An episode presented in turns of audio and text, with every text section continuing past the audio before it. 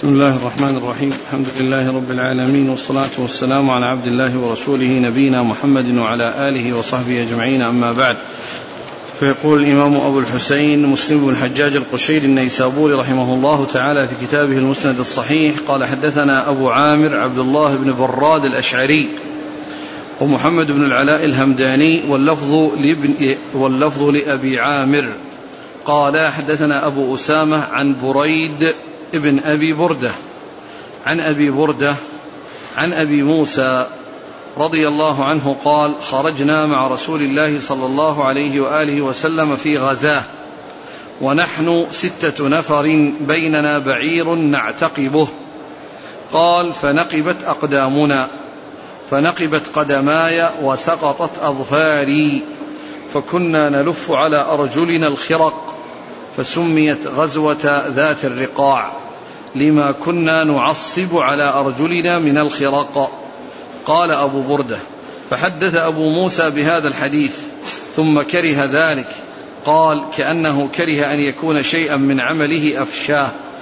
قال أبو أسامة وزادني غير بريد والله يجزي به. بسم الله الرحمن الرحيم الحمد لله رب العالمين وصلى الله وسلم وبارك على عبده ورسوله نبينا محمد وعلى آله وأصحابه أجمعين. أما بعد فهذا الحديث عن أبي موسى الأشعري رضي الله عنه يتعلق بغزوة من الغزوات ويقال لها غزوة ذات الرقاع. يقول أبو موسى الأشعري رضي الله عنه أنهم خرجوا مع النبي صلى الله عليه وسلم يعني في هذه الغزوة وكانوا ستة يعتقبون على بعير يعني أن أبا موسى ومعه خمسة يتعاقبون على بعير وكان وكانوا من جملة جيش مع رسول الله صلى الله عليه وسلم. فكان كل واحد يعني يركب يعني فترة حتى أنها نقبت أقدامهم ويعني حصل لها لهم أن تجرحت يعني أرجلهم بسبب ما تلاقيه من من الحصى ومن الأشياء التي في الأرض. مما يتضرر بها الإنسان وذلك أنه ليس ليس معهم يعني خفاف وليس هناك معهم أشياء تسترهم عن الأرض فكانوا يلفون الخرق على أقدامهم فكانوا يلفون الخرق على أقدامهم من أجل أن تقيها يعني ما يكون في الأرض من آه من شيء يؤذيهم. ولهذا سمي ذات الرقاع غزوة ذات الرقاع لهذه الخرق التي يلفونها على أرجلهم. ثم إن أبا موسى يعني كره ذلك وخشية أن يكون ذكر شيئا من عمله الذي تقرب به إلى الله عز وجل.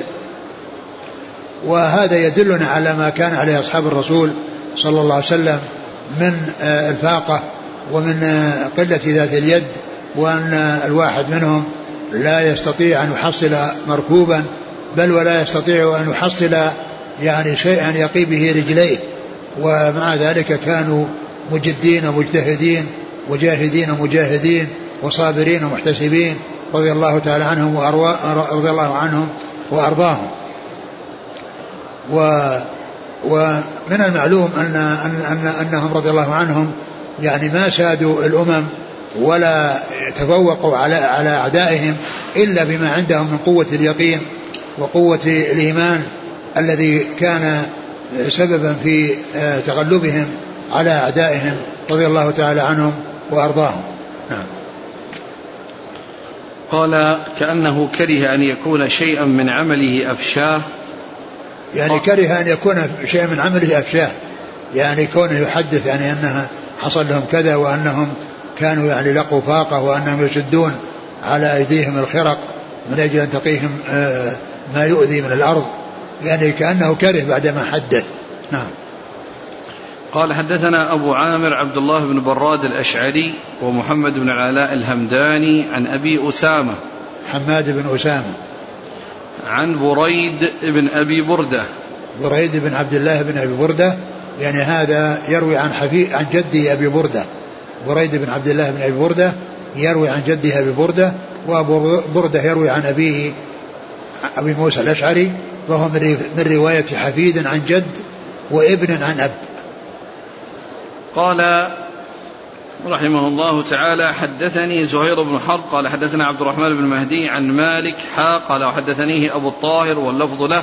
قال حدثني عبد الله بن وهب عن مالك بن أنس عن الفضيل بن أبي عبد الله عن عبد الله بن نيار الأسلمي عن عروة بن الزبير عن عائشة رضي الله عنها زوج النبي صلى الله عليه وسلم أنها قالت خرج رسول الله صلى الله عليه وسلم قبل بدر فلما كان بحرة الوبرة أدركه رجل قد كان يذكر منه جرأة ونجدة.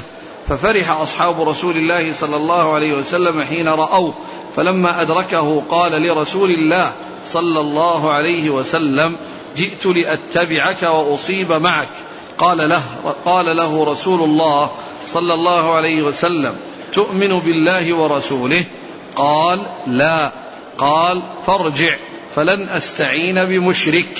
قالت ثم مضى حتى إذا كنا بالشجرة أدركه الرجل فقال له كما قال أول مرة فقال له النبي صلى الله عليه وسلم كما قال أول مرة قال فارجع فلن أستعين بمشرك. قال ثم رجع فأدركه بالبيداء فقال له كما قال أول مرة تؤمن بالله ورسوله؟ قال نعم. فقال له رسول الله صلى الله عليه وسلم فانطلق. ثم ذكر يعني هذا الحديث المتعلق بالاستعانة بالكفار يعني في الحرب وذكر فيه أن الرسول عليه الصلاة والسلام لما خرج إلى بدر وأنه لما كان بمكان يقال له الوبرة ويعني جاءه رجل من المشركين كان يعرف بالنجدة والقوة والجلد وفرح المسلمون بمجيئه وأنه سيفيدهم فقال إنه يريد أن يكون معه أن يذهب معه ويصيب يعني يحصل شيء من الدنيا. فالرسول صلى الله عليه وسلم قال تؤمن بالله ورسوله؟ قال لا. قال ارجع فلن, فلن نستعين بمشرك. ثم إنه كان في مكان آخر يقال له الشجرة وجاءه وقال له ما قال وأجابه بما أجاب به. ثم إنه في موضع ثالث يقال له البيداء يعني جاءه وقال له ما قال فقال له فقال إنه يؤمن بالله ورسوله.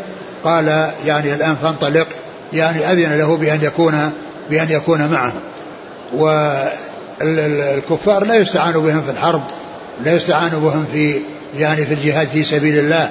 ولكن إذا دعت الحاجة إلى أحد منهم لخبرته ولمعرفته ويعني آه، آه، فيستفاد منه. ولا بأس بذلك. والرسول صلى الله عليه وسلم استفاد من عبد الله بن أريقط في طريق الهجرة. لما كان بحاجة إليه فإنه كان يعني كان يعني هاديا خريثا وكان خبيرا بالطرق ف آه، يعني استأجره الرسول وأبو بكر لما لما خرج إلى الهجرة وهذا من الاستعانة بالكفار.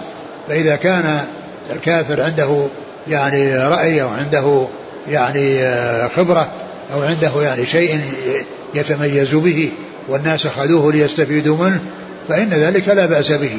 لكنه إذا أخذ فإنه لا يسهم له.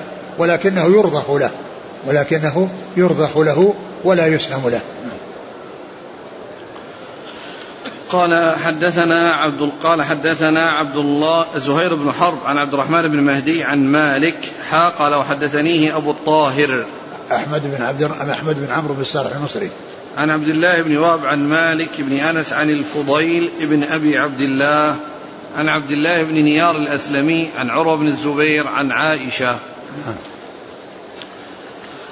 قال رحمه الله تعالى حدثنا عبد الله بن مسلمة بن قعنب قال وقتيبة بن سعيد قال حدثنا المغيرة يعنيان الحزامي حا قال وحدثنا زهير بن حرب وعمر الناقد قال حدثنا سفيان بن عيينة كلاهما عن أبي الزناد عن الأعرج عن أبي هريرة رضي الله عنه أنه قال قال رسول الله صلى الله عليه وسلم وفي حديث زهير يبلغ به النبي صلى الله عليه وسلم وقال عمرو رواية الناس تبع لقريش في هذا الشأن مسلمهم لمسلمهم وكافرهم لكافرهم. قال وحدثنا محمد بن رافع قال حدثنا عبد الرزاق قال حدثنا معمر عن همام بن منبه قال هذا ما حدثنا أبو هريرة عن رسول الله صلى الله عليه وسلم. فذكر أحاديث منها وقال رسول الله صلى الله عليه وسلم الناس تبع لقريش في هذا الشأن مسلمهم تبع لمسلمهم وكافرهم تبع لكافرهم نعم. قال وحدثني يحيى بن حبيب الحارثي قال حدثنا روح قال حدثنا ابن جريج قال حدثني أبو الزبير أنه سمع جابر بن عبد الله رضي الله عنهما يقول قال النبي صلى الله عليه وسلم الناس تبع لقريش في الخير والشر. قال وحدثنا أحمد بن عبد الله بن يونس قال حدثنا عاصم بن محمد بن زيد عن أبيه قال قال عبد الله رضي الله عنه قال رسول الله صلى الله عليه وسلم لا يزال هذا الأمر في قريش ما بقي من الناس اثنان. ثم ذكر بعد ذلك رحمه الله هذه الأحاديث المتعلقة بالولاية والخلافة وأخبر عليه الصلاة والسلام في هذه الأحاديث أن الخلافة في قريش وأن الإمامة في قريش وهي الخلافه العظمى وانها اذا عقدت فإنها تعقد لمن يكون يعني آه، من قريش. و وقريش هم آه، آه، هم نسل فهر بن مالك. فهر بن مالك الذي هو الأبو الحادي عشر للرسول صلى الله عليه وسلم لأن الرسول عليه الصلاة والسلام آباؤه من عبد الله إلى عدنان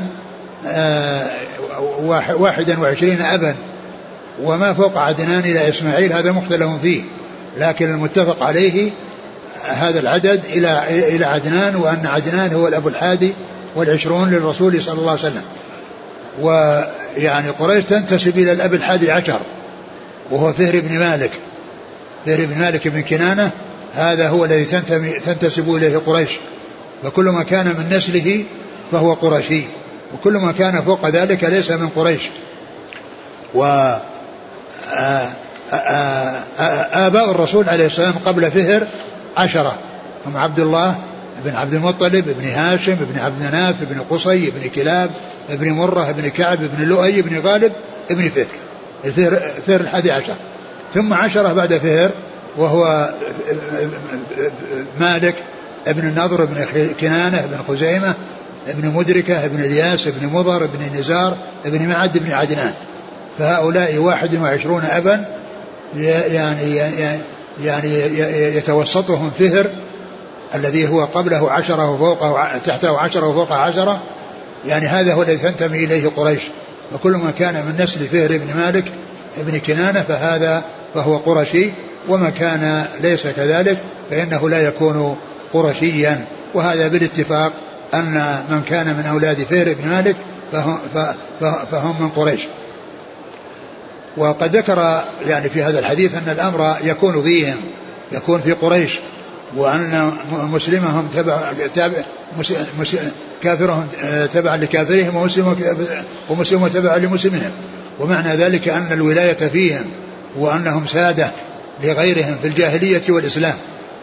وأن يعني أنهم كانوا في الجاهلية يعني سادات وكذلك يكون في الإسلام يعني فيهم السيادة وفيهم الولاية.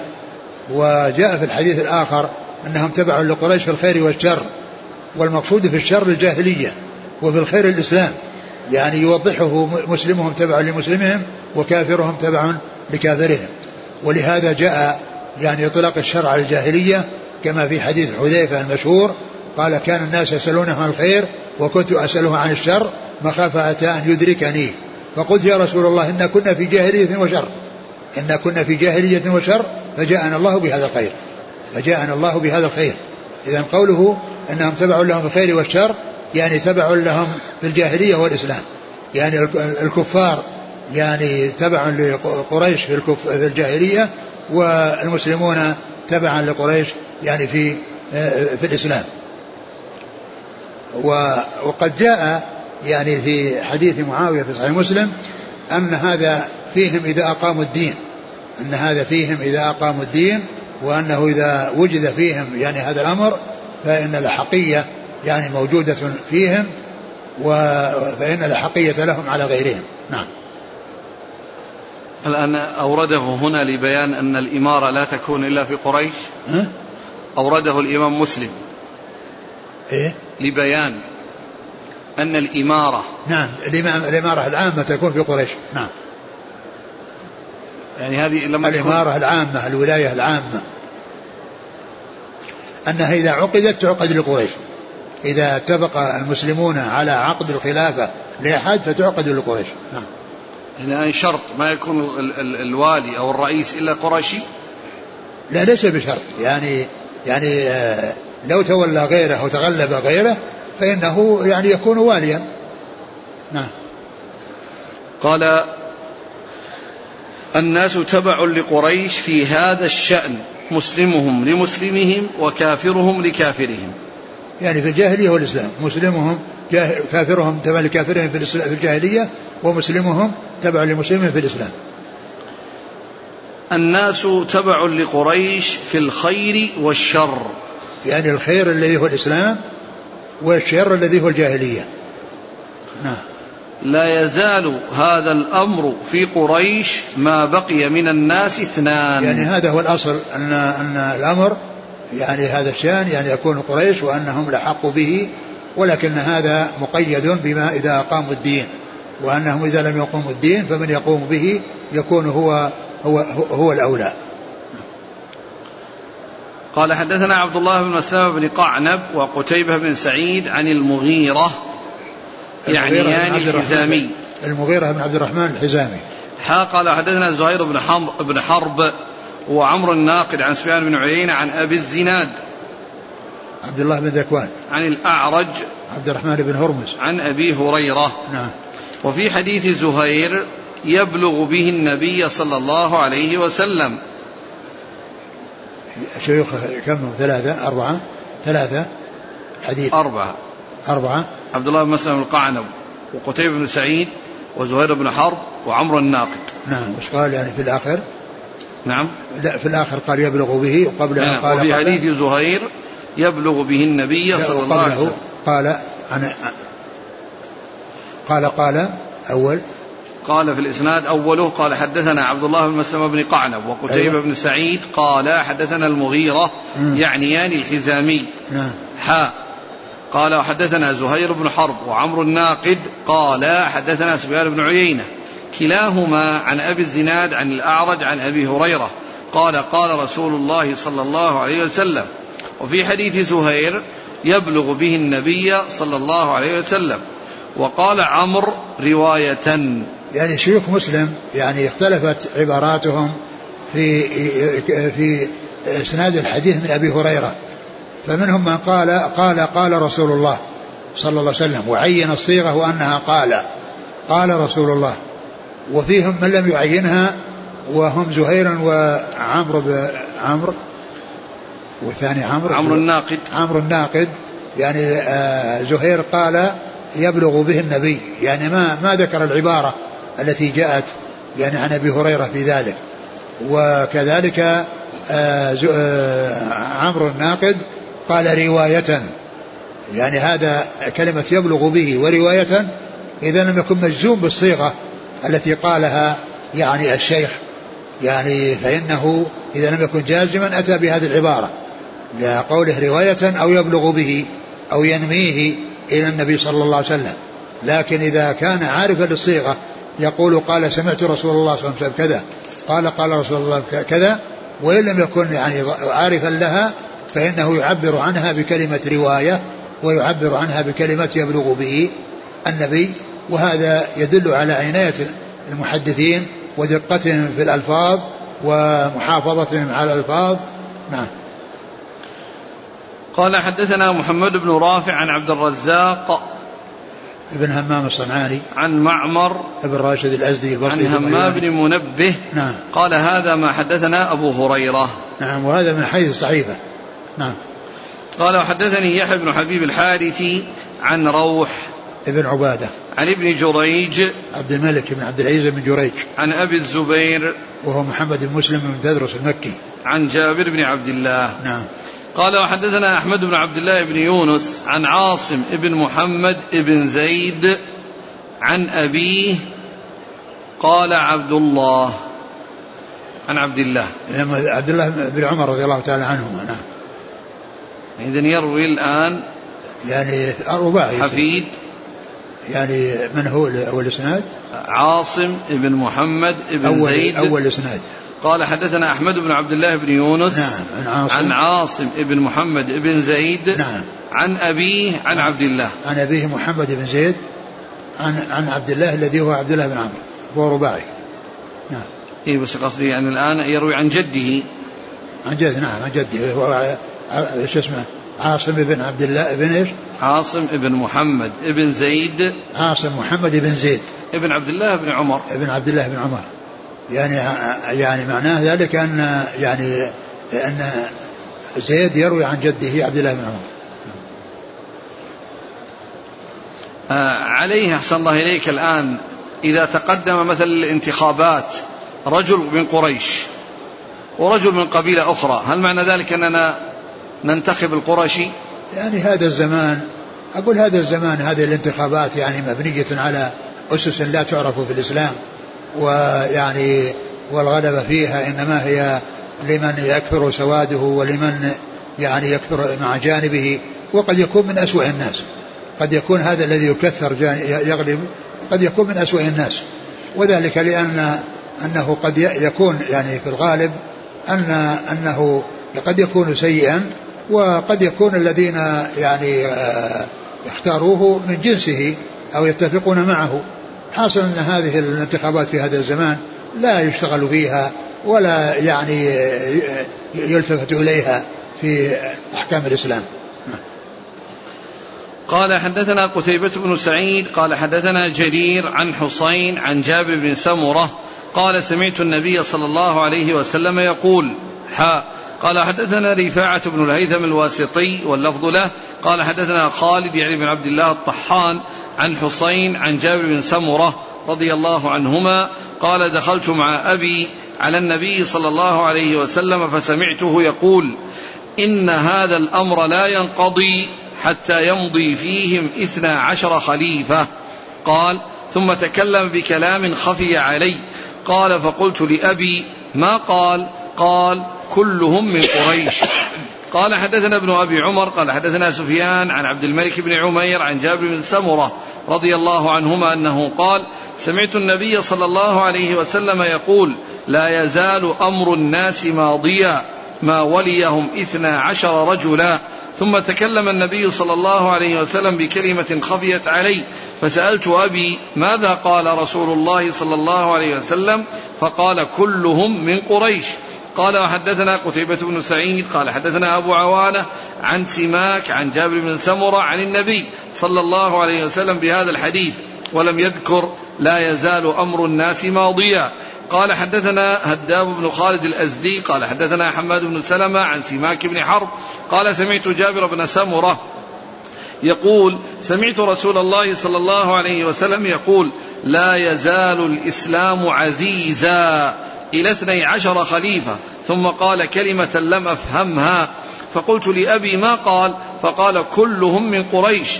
قال حدثنا أبو بكر بن أبي شيبة قال حدثنا أبو معاوية عن داود عن الشعبي عن جابر بن سمرة رضي الله عنهما أنه قال قال النبي صلى الله عليه وسلم لا يزال هذا الأمر عزيزا إلى اثني عشر خليفة. قال ثم تكلم بشيء لم أفهم. فقلت لأبي ما قال؟ فقال كلهم من قريش. قال حدثنا نصر بن علي الجهضمي. قال حدثنا يزيد بن زريع. قال حدثنا ابن عون. حاء قال وحدثنا أحمد بن عثمان النوفلي. واللفظ له. قال حدثنا أزهر. قال حدثنا ابن عون عن الشعبي عن جابر بن سمرة. قال انطلقت إلى رسول الله صلى الله عليه وسلم ومعي أبي فسمعته يقول لا يزال هذا الدين عزيزا منيعا. إلى اثني عشر خليفة فقال كلمة صمنيها الناس. فقلت لأبي ما قال؟ قال كلهم من قريش. ثم ذكر هذه الأحاديث عن جابر بن سمرة عن أبيه سمرة بن جنادة رضي الله عنه أنه كان يعني مع مع أبيه عند النبي صلى الله عليه وسلم وأنه قال يعني لا يزال الأمر يعني عزيزا يعني في ما ما ولي الناس 12 خليفة يعني كلهم من قريش. يعني جابر يعني سمع الحديث والجملة الأخيرة هذه التي لم يسمعها ولم يتثبت فيها من رسول الله صلى الله عليه وسلم. وقال صمني فيها الناس يعني كأن الناس يعني في كلامهم أو شيء من الكلام يعني فوت عليه أن يستوعب أو يحفظ هذه الكلمة. ولكنه سأل أباه فثبته فيها وقال كلهم من قريش كلهم من قريش. يعني وهؤلاء الأئمة الاثنى عشر الذين أخبر النبي صلى الله عليه وسلم بأنه لا يزال الإسلام عزيزا منيعا ما وليهم يعني هذا العدد من قريش اختلف العلماء في المراد بهم على قولين. أحدهما يقول بأن أن هؤلاء الاثنى عشر هم الخلفاء الراشدين الأربعة وثمانية من بني أمية.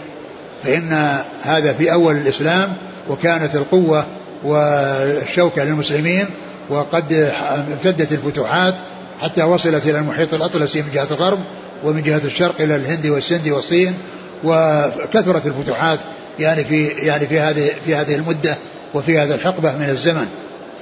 وهم الخلفاء الراشدون الأربعة ويعني وثمانية بني أمية هم معاوية رضي الله عنه وابنه يزيد وعبد الملك بن مروان وأولاده الأربعة يتخللهم ويتوسطهم عمر بن عبد العزيز. يعني وهم عبد الملك ثم ابنه يعني الوليد ثم هشام ثم عمرو بن عبد العزيز ثم ثم ثم سليمان ثم عمر بن عبد العزيز ثم يعني هشام أو أو يزيد. والحاصل ان أنهم أربعة من أولاد الملك اثنان بعد عمر بن عبد العزيز واثنان قبل عمر بن عبد العزيز.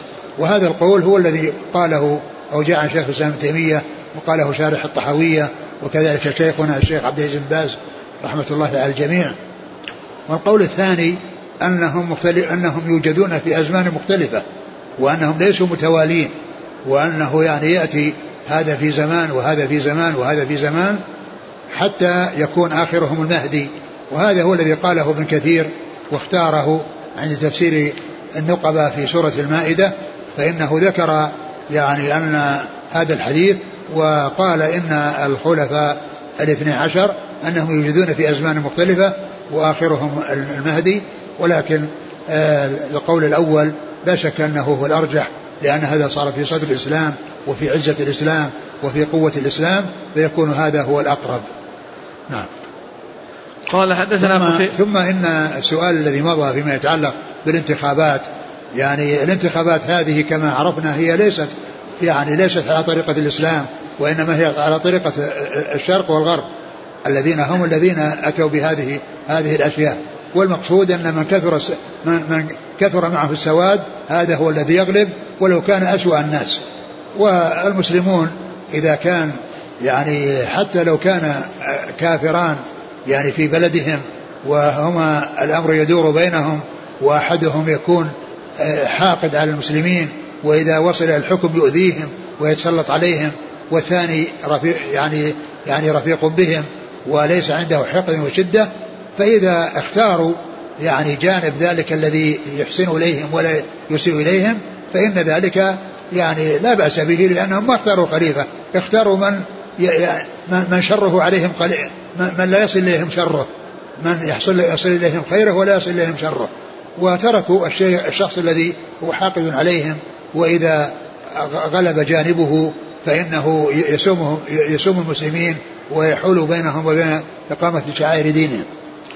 وكذلك أيضا فيما يتعلق بال يعني بالولايات إذا كان المتقلد عليها مسلمون ولكن بعضهم يعني أحسن من بعض فإن من يكون أحسن؟ إذا كان يعني لابد من الاختيار فإنه يختار من يكون أحسن ومن يعرف بشيء من الصلاح. ومعلوم أن أنه حتى مع ذلك لأن الديمقراطية التي تبنى عليها هذه الولايات يعني يعني آه، لا يعني لا يستقيم الأمر فيها إلا يعني بديمقراطية الغرب الزائفة التي هي أن أن ما يحصل من الشعب وما يحصل يعني أن هذا أنه هو الذي يعول عليه. ولكن إذا كان يختير من يكون أصلح ومن أسلم ومن يكون أخف يعني شر من غيره فهذا كما يقولون ارتكاب أخف الضررين يعني أولى للتخلص من أشدهما. نعم.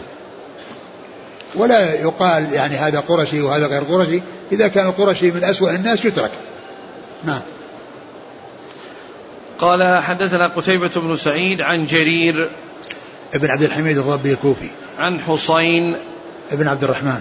عن جابر بن سمرة. حا قال حدثنا رفاع بن الهيثم الواسطي عن خالد يعني بن عبد الله الطحان عن حسين عن جابر بن سمرة. نعم. قال حدثنا ابن أبي عمر عن سفيان.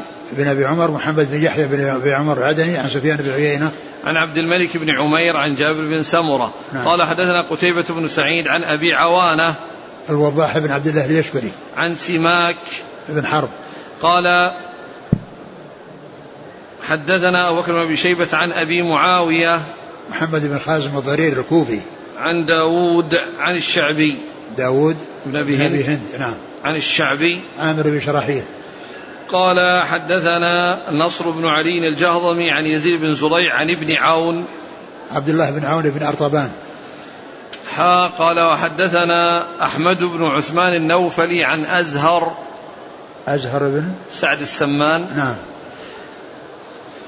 قال حدثنا قتيبة بن سعيد وأبو بكر بن أبي شيبة قال حدثنا حاتم وهو ابن إسماعيل عن المهاجر بن مسمار عن عامر بن سعد بن أبي وقاص قال كتبت إلى جابر بن سمرة رضي الله عنهما مع غلامي نافع.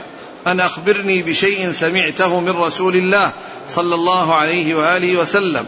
قال فكتب إلي سمعت رسول الله صلى الله عليه وسلم يوم جمعة عشية رجم الأسلمي يقول لا يزال الدين قائما حتى تقوم الساعة أو يكون عليكم إثنى عشر خليفة كلهم من قريش. وسمعته يقول عصيبة من المسلمين يفتتحون البيت الأبيض بيت كسرى أو آل كسرى. وسمعته يقول إن بين يدي الساعة كذابين فاحذروهم. وسمعته يقول إذا أعطى الله أحدكم خيرا فليبدأ بنفسه وأهل بيته. وسمعته يقول أنا الفرط على الحوض. قال نعم. حدثنا محمد بن رافع قال حدثنا ابن أبي فديك قال حدثنا ابن أبي ذئب عن مهاجر بن مسمار عن عامر بن سعد أنه أرسل إلى ابن سمرة أرسل إلى ابن سمرة العدوي. حدثنا ما سمعت من رسول الله صلى الله عليه وسلم فقال سمعت رسول الله صلى الله عليه وسلم يقول فذكر نحو حديث حاتم. ثم ذكر هذا الحديث الذي فيه أن مصعب بن سعد يعني كتب ل لجندب لجندب. سمر بن جندب. آه، نعم. كتب إلى جابر بن سمرة. إلى جابر بن سمرة. نعم. إلى جابر بن سمرة يعني صاحب الحديث الذي الذي مر وقال أخبرني بشيء سمع سمعته من رسول الله صلى الله عليه وسلم. فكتب يخبره بعدة أمور منها يعني هذا الشيء الذي هو محل الشاهد وفي في إيراد الحديث في في فيما يتعلق بالإمارة. و ويعني وقال يعني مؤكدا يعني ضبطه وإتقانه وقال عشية يوم الجمعة يوم قتل يوم يعني يوم رجم الأسلمي. يوم رجم الأسلمي يعني اللي هو ماعز يوم جمعة عشية. يعني, يعني عشية يوم الجمعة وأنه في اليوم الذي رجم فيه الأسلمي. ومعنى ذلك أنه ضابط يعني لهذا الحديث لأن الراوي إذا أخبر بمناسبات تدل على يعني آه، آه، قصة يعني في الموضوع فإن هذا يدل على ضبطه وإتقانه لأنه قال عشية يوم الجمعة وأنه يعني رجم الأسلمي الذي هو ماعز وسمعه سمع عدة أشياء. هي أولها قال قال لا يزال الدين قائما حتى تقوم الساعة أو يكون عليكم إثنا عشر خليفة كلهم من قريش. يعني هذا هذا شك وقوله لا تقوم يقوم لا يزال هذا الدين باقيا حتى تقوم الساعة هذا جاء في حديث الرسول لا يزال أمر أمتي ظاهرا لا يضرهم من من خذلهم ولا من خالفهم حتى يأتي أمر الله. وأمر الله يعني قرب قيام الساعة وذلك يعني أنه يخرج ريح لينة تقبض الروح كل مؤمن ومؤمنة ويبقى حثالة لا خير فيهم تقوم عليهم الساعة. فقوله إلى حتى تقوم الساعة إلى قرب قيام الساعة وإلا فإن الساعة تقوم على شرار الخلق. الذين لا يذكر الله فيهم. وكذلك أو قال اثنا عشر خليفة أو أو قال أول شيء لا يزال الدين قائما حتى تقوم الساعة. نعم. أو يكون عليكم اثنا عشر خليفة كلهم من قريش. أو يكون اثنا عشر خليفة كلهم من قريش. نعم وهذا هو محل الشاهد. نعم. وسمعته يقول عصيبة من المسلمين يفتتحون البيت الأبيض بيت كسرى أو آل كسرى. يعني عصيبة مسلمين يعني قلة وعصابة من المسلمين قليلة يعني يفتتحون يعني قصر كسرى ويستخرجون الكنوز وتنفق في سبيل الله كما أخبر بذلك رسول الله صلى الله عليه وسلم. قال يعني ولا تنفقن كنوزهما في سبيل الله. وقد حصل ذلك في زمن زمن عمر رضي الله عنه. حيث قضي على الدولتين العظميين في ذلك الزمان دولة الفرس ودولة الروم وقد أتي بالكنوز بكنوز كسرى وقيصر إلى المدينة ووزعت على يد الفاروق رضي الله تعالى عنه وأرضاه. الحاصل أن قوله عصيبة يعني هنا إشارة إلى قلتهم وأن أولئك كثيرون ولكن الله ينصرهم عليهم بقوة إيمانهم لأن قوة الإيمان هي الأساس. فما انتصر أصحاب الرسول عليه الصلاة والسلام على غيرهم إلا لقوة إيمانهم ويقينهم وثباتهم ويعني استقامتهم على أمر الله وجهادهم لنفوسهم قبل أن يجاهدوا أعداءهم. قبل أن يجاهدوا أعداءهم. فعدد قليل يتغلب على الأعداد الكبيرة وذلك بقوة الإيمان والثبات والبصيرة واليقين. نعم. وسمعته يقول إن بين يدي الساعة كذابين فاحذروهم. يعني كذابين يعني يدعون النبوة كما جاء في حديث آخر. أنه أنه دجالين ثلاثين أو قريب ثلاثين كلهم يزعم أنه نبي. نعم. وسمعته يقول إذا أعطى الله أحدكم خيرا فليبدأ بنفسه وأهل بيته. وسمعته يقول إذا أعطى الله أحدكم خيرا فليبدأ بنفسه وبأهل بيته. يعني معناه يبدأ بمن يمون. ولهذا الرسول صلى الله عليه وسلم لما جاءه رجل وقال عندي دينار قال صدق به على نفسك قال فلا أعطيه زوجك ثم قال كذا ويعني فهذا يعني مثاله من الأمثلة التي تدخل تحت قوله وابدأ بمن تعول. يعني معناه أن أن أهل أهله أولى الناس ببره وإحسانه. نعم.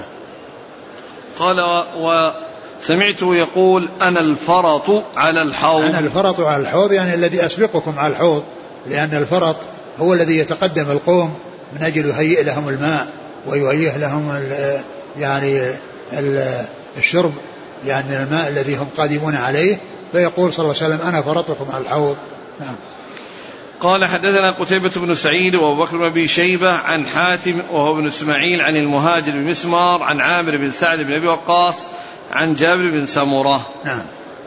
قال حدثنا محمد بن رافع عن ابن أبي فديك. هو محمد بن إسماعيل. عن ابن أبي ذئب. ومحمد بن عبد الرحمن ابن محمد بن عبد الرحمن بن إبراهيم. ابن المغيرة. ابن المغيرة آه ابن أبي ذئب. نعم. قال رحمه الله تعالى حدثنا أبو كريب محمد بن العلاء قال حدثنا أبو أسامة عن هشام بن عروة عن أبيه عن ابن عمر رضي الله عنهما قال حضرت أبي حين أصيب فأثنوا عليه وقالوا جزاك الله خيرا فقال راغب وراهب قالوا استخلف فقال أتحمل أمركم حيا وميتا لوددت أن حظي منها الكفاف لا علي ولا لي فإن أستخلف فقد استخلف من هو خير مني يعني أبا بكر. وإن أترككم فقد ترككم من هو خير مني رسول الله صلى الله عليه وسلم. قال عبد الله فعرفت أنه حين ذكر رسول الله صلى الله عليه وسلم غير مستخلف. قال حدثنا إسحاق بن إبراهيم وابن أبي عمر ومحمد بن رافع وعبد بن حميد وألفاظ متقاربة. قال إسحاق وعبد أخبرنا وقال الآخران حدثنا عبد الرزاق قال أخبرنا معمر عن الزهري قال أخبرني سالم عن ابن عمر قال دخلت على حفصة رضي الله عنها فقالت أعلمت أن آباك غير مستخلف؟ قال قلت ما كان ليفعل؟ قالت إنه فاعل. قال فحلفت أني أكلمه في ذلك فسكت حتى غدوت ولم أكلمه. قال فكنت كأن فقال فكنت كأنما أحمل بيميني جبلا. حتى رجعت فدخلت عليه فسألني عن حال الناس وأنا أخبره. قال ثم قلت له إني سمعت الناس يقولون مقالة فآليت أن أقولها لك. زعموا أنك غير مستخلف وإنه لو كان لك راعي إبل أو راعي غنم ثم جاءك وتركها رأيت أن قد ضيع فرعاية الناس أشد. قال فوافقه قولي فوضع رأسه ساعة ثم رفعه إلي فقال إن الله عز وجل يحفظ دينه وإني لئن لا أستخلف فإن رسول الله صلى الله عليه وسلم لم يستخلف. وإن أستخلف فإن أبا بكر قد استخلف. قال فوالله ما هو إلا أن ذكر رسول الله صلى الله عليه وسلم وأبا بكر فعلمت أنه لم يكن ليعدل برسول الله صلى الله عليه وسلم أحدا وأنه غير مستخلف. ثم ذكر هذا الحديث عن عن ابن عمر رضي الله تعالى عنهما في يعني فيما لما حصل لأبيه ما حصل من إصابته وهو يصلي بالناس الصبح وهذه حيث طعن في بطنه وكانت الطعنة فيها وفاته ونال الشهادة بها وبقي يعني أياما وهو في مرض يعني أمعاؤه مقطعة يسقونه اللبن فيخرج من جوفه ويسقونه النبيذ فيخرج من جوفه ويعني ف يعني فكان الناس يأتون إليه ويثنون عليه ويعني يدعون له وكان يعني من ثنائهم عليه أنهم لما أثنوا عليه قال راغب وراهب يعني عن نفسه أنه راغب في ثواب الله وراهب من من من, من تبعات يعني هذه الولاية التي يعني التي قام بها وأنه يحب أن يكون ذلك كفافا لا عليه ولا له يعني معناه أن, أن, أن أنه يسلم من تبعاتها وأنه لا يحصل عليه شيء بسببها. ف ثم إنه يعني يعني قيل له في ذلك فقال إن أستخلف فقد استخلف من هو خير مني يعني ابا بكر لأن ابا بكر استخلف عمر و, و, و, يعني وأسند الولاية إليه من بعده وإن لم أستخلف فلم يستخلف من من هو خير مني يعني رسول الله صلى الله عليه وسلم. يعني الرسول لم يستخلف ما قال يعني إن الخليفة بعدي فلان ولكنه جاء عنه نصوص. تدل على أن الأحق والأولى هو أبو بكر رضي الله عنه. ولكن كونه ينص يقول الخليفة بعدي فلان فلان هذا ما جاء عن رسول الله عليه الصلاة والسلام. ف فقال ابن عمر إنني لما رأيته ذكر الرسول عليه الصلاة والسلام وأنه لم يستخلف فهمت أنه لم يستخلف. فهمت أنه لن يستخلف لأنه ذكر الرسول صلى الله عليه وسلم فيعني فيؤثر الاقتداء به على اقتدائه بأبي بكر رضي الله عنه. لكن عمر رضي الله عنه وأرضاه توسط في الأمر فلم يترك الأمر يعني نهائيا ولم يعني يترك الأمر دون أن يكون له فيه شأن بل اختار ستة من من أصحاب رسول الله صلى الله عليه وسلم الذين توفي الرسول صلى الله عليه وسلم وهو عنهم راض وجعل الأمر فيهم يجتمعون ويختارون من بينهم خليفة للمسلمين وبعد ذلك اجتمع هؤلاء الستة وانتهى الأمر إلى أن اختصرت إلى عثمان وعلي وعبد الرحمن بن عوف وعبد الرحمن يعني رغب أن يكون هو الذي يتولى الفصل في ذلك فصار يستشير الناس في عثمان وعلي وبعد ذلك أعلن النتيجة وهي أن الناس لا يعدلون بعثمان فبايع الناس عثمان رضي الله عنه وبعد ذلك بويع لعلي لأن لأنه هو الذي يليه كما في يعني هذه القصة قصة بيعة عثمان.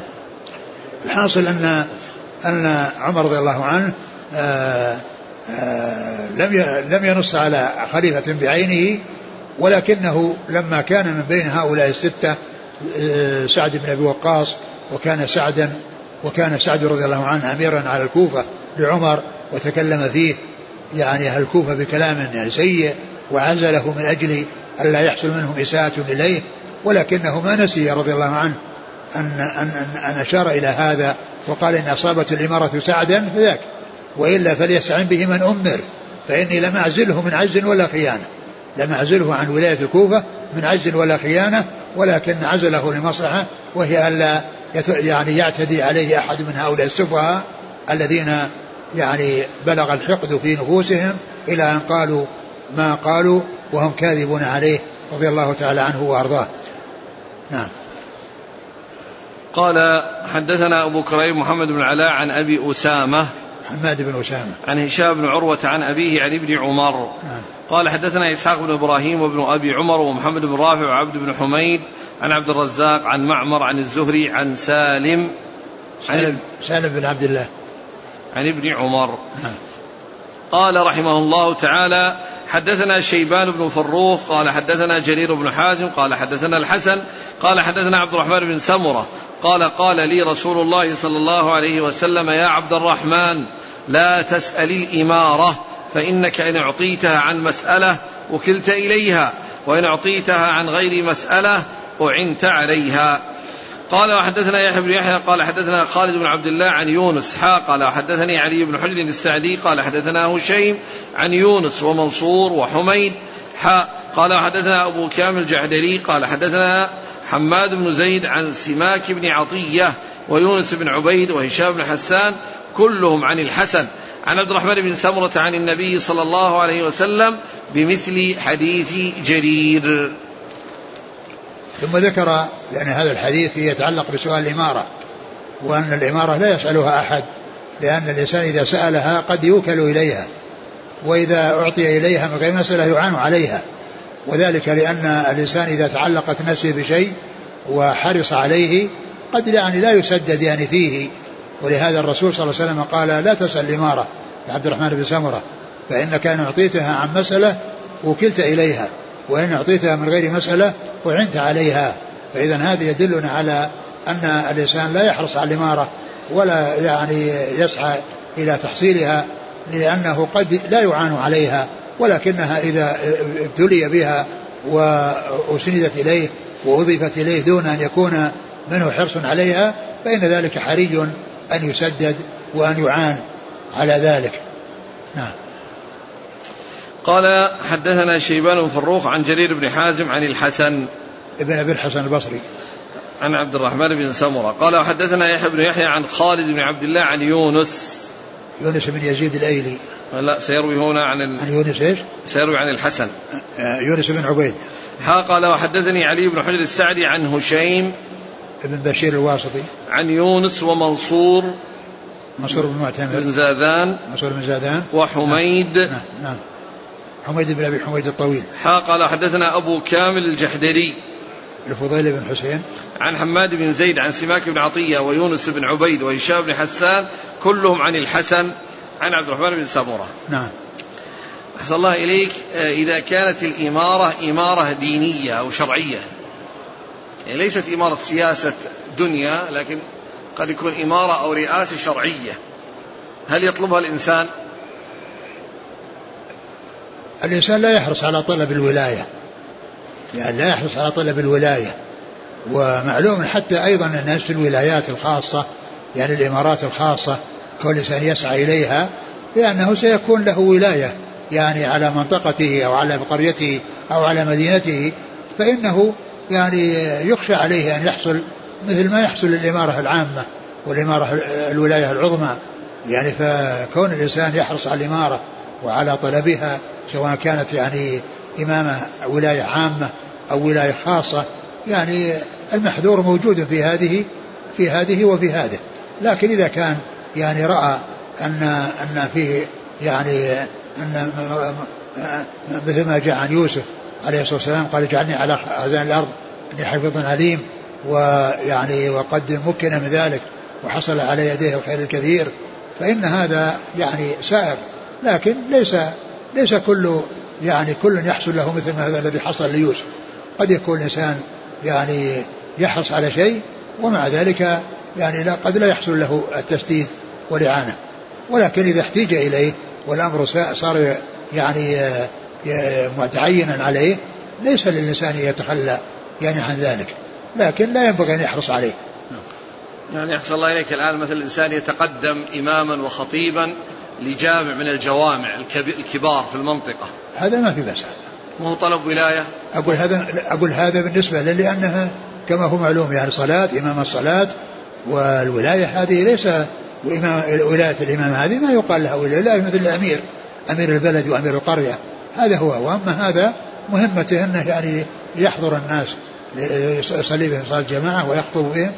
يعني فمثل هذا يعني أمره ما هو مثل الإمارة. الإمارة على قرية.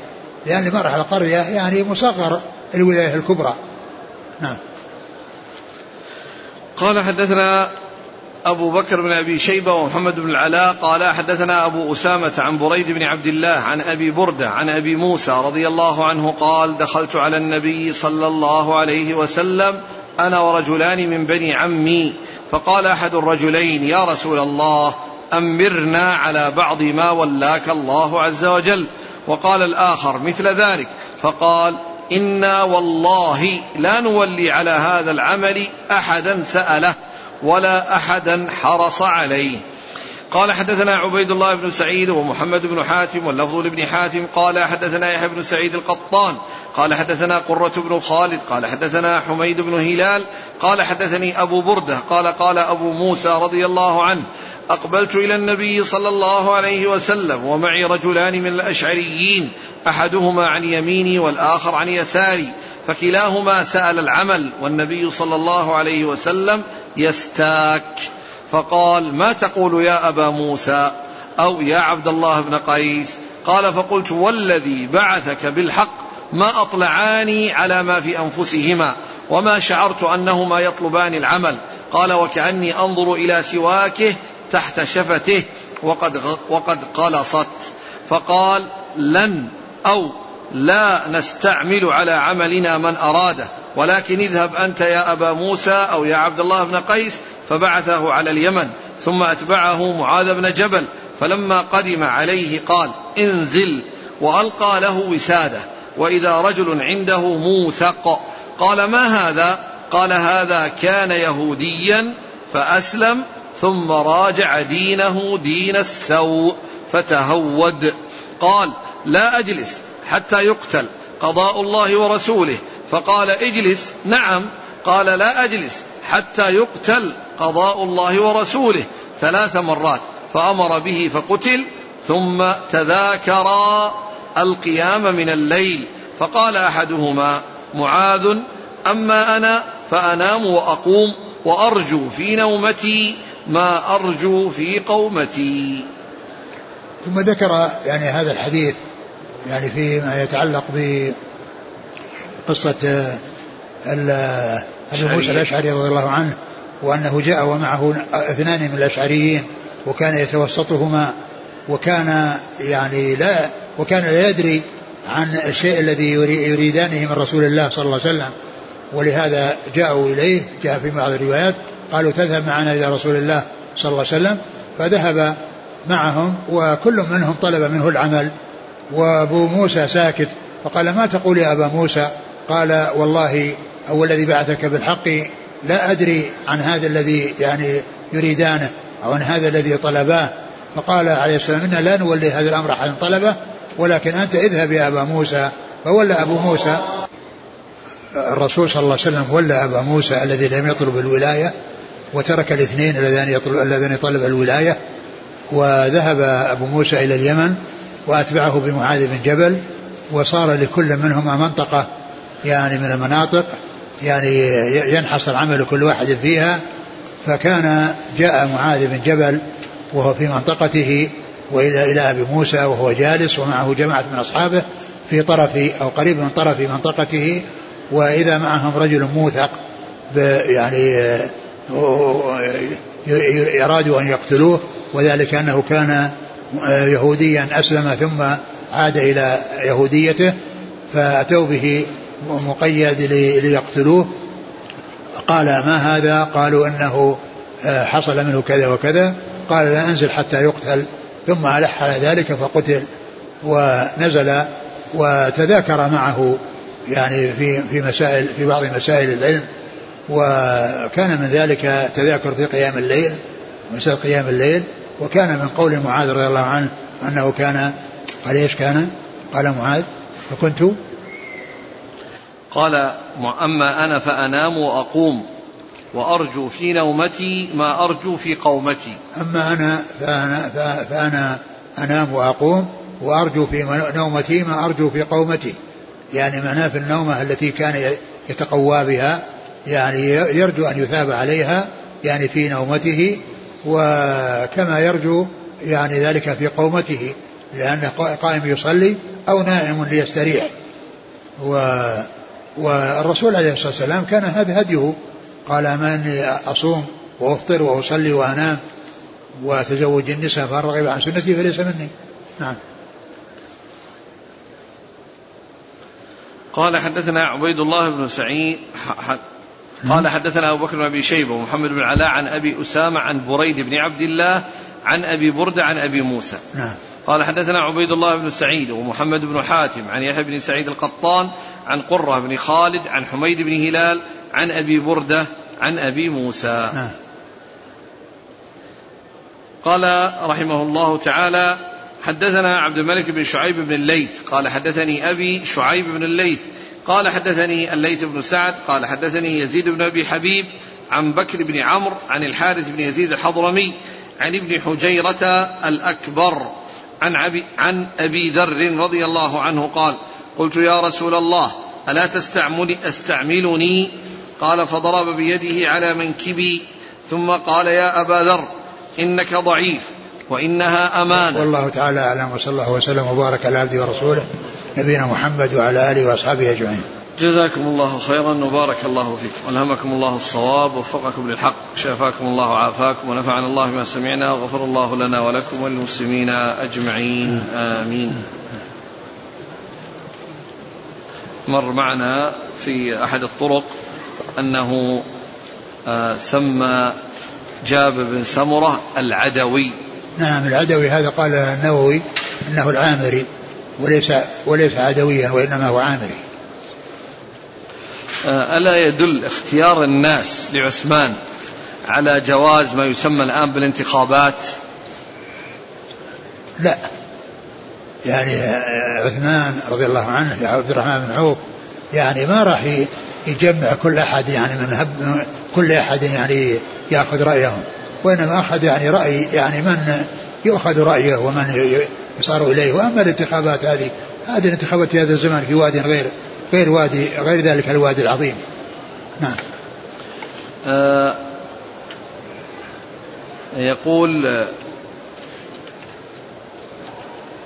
هل يجوز تشكيل الأحزاب والجماعات الإسلامية من أجل المشاركة في الانتخابات؟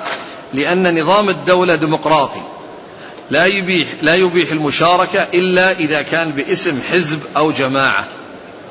إذا كان هذا الحزب يعني لن يعني يقوم بالعمل إلا على خلاف الشرع ولن يعني يطبق الشرع يعني فهذا لا خير فيه، الأحزاب كلها لا خير فيها إذا لم تطبق شرع الله. يقول هل يعتبر جميع الأمراء بعد الدولة العباسية ملوك ولا يكونوا خلفاء لأنهم ليسوا من قريش. وراه العباسيين وراه من قريش العباسيين؟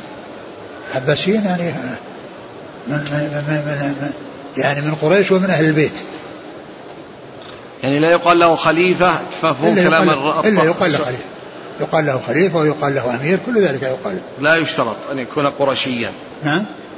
تسميته خليفة بس هؤلاء قرشيين لا هو يقول بعد ذلك حتى يقول مثلا الدولة العثمانية ومن نعم. بعدها هل يشترط في تسميته خليفة؟ أبدا الخلافة الخلافة إذا كان مقصود بها الولاية العامة فالذي يتولى يقال له خليفة ولكنه يعني آه، يعني آه، ماذا ماذا ماذا يقال له؟ يعني يقال له أمير ويقال له خليفة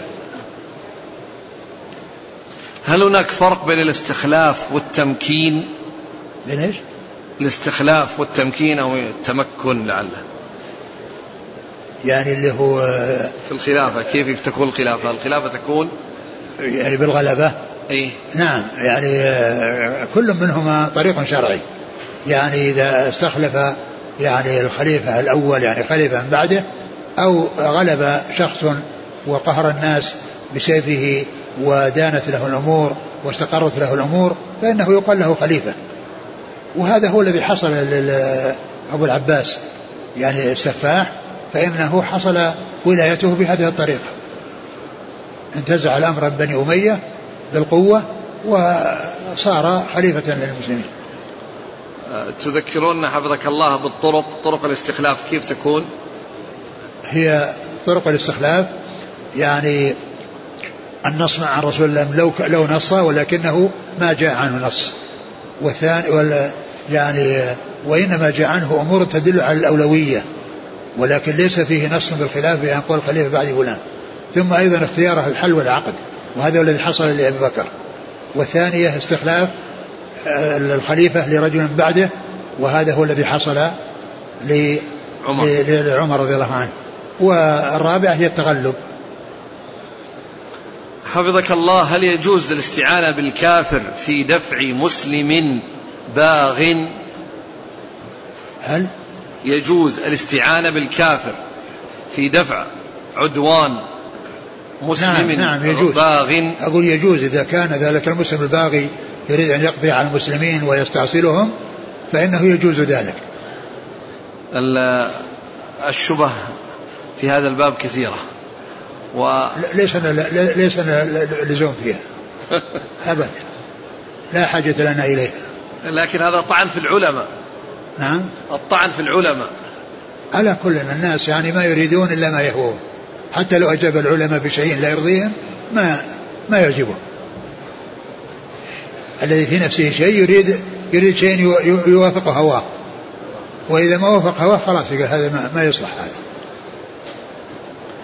آه، في الكافر الذي لحق بالنبي صلى الله عليه وسلم في الأول قال لها تؤمن بالله ورسوله. السائل أن يقول هل يكفي هذا في الدخول في الإسلام أو لا بد النطق بالشهادة؟ لو قال أنا أؤمن بالله ورسوله.